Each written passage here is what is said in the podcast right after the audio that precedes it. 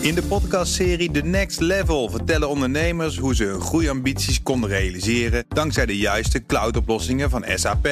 Wat waren de uitdagingen, de oplossingen en hoe ging de uiteindelijke implementatie? Benieuwd naar hun verhalen en hoe zij met behulp van SAP ook hun toekomstige ambities kunnen behalen? Luister de podcast The Next Level via de BNR-app of je favoriete podcast-app.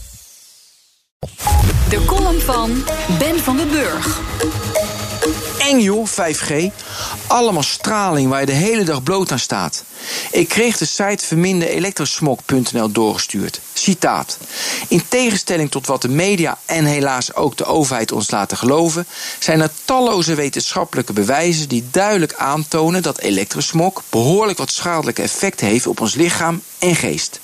Elektrosmog noemen we hier de schadelijke straling afkomstig van wifi, gsm en slimme meters en zendmasten met UMTS en LTE.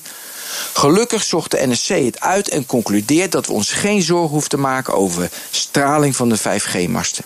De voorzitter van de International Commission on Non-Ionizing Radiation Protection, vergeet dat, maar dat is Erik van Rongen, vergeet dat niet. Hij komt uitgebreid aan het woord.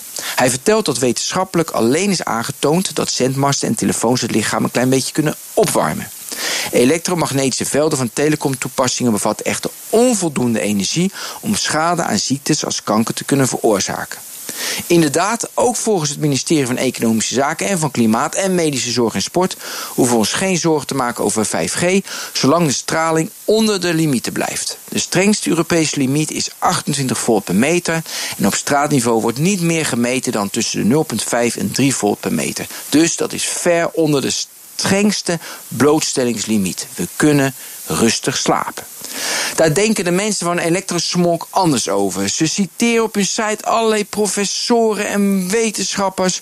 Zo beukt bijvoorbeeld de elektromagnetische straling als een pneumatische hamer op ons lichaam in. Doen we op dit moment een wereldwijd experiment met mensen zonder hun toestemming. En zijn er substantiële bewijzen dat elektromagnetische straling leidt tot allergische en ontstekingsreacties, veranderingen in het immuunsysteem en beschadiging van het DNA. Kom allemaal 19 september naar Den Haag. Dan gaan we demonstreren tegen 5G.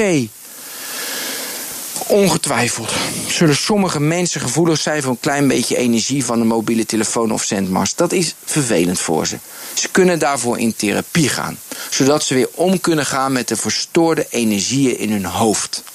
Ze moeten niet de samenleving vervuilen met angstverhalen. Als gerenommeerde onderzoekers vertellen dat het geen kwaad kan en je twijfelt, dan zet je daar gerenommeerde onderzoekers en onderzoeken tegenover. En als die dan het tegendeel bewijzen, dan zorg je voor maatregelen, zodat gezondheidsrisico's weer beperkt worden. Dat is de weg. Geen angst aanjagen. Zoals bij iedere nieuwe technologie komen de angsthazen uit een hol. Het gevaar ligt immers altijd op de loer. Pas later zal de ervaring van het gemak de nieuwe technologie ook bij de angsthazen omarmd worden. En op bnr.nl en in de BNR-app vind je meer columns en podcasts. Dit was degene van Ben van den Burg. In de podcastserie The Next Level vertellen ondernemers hoe ze hun groeiambities konden realiseren dankzij de juiste cloudoplossingen van SAP.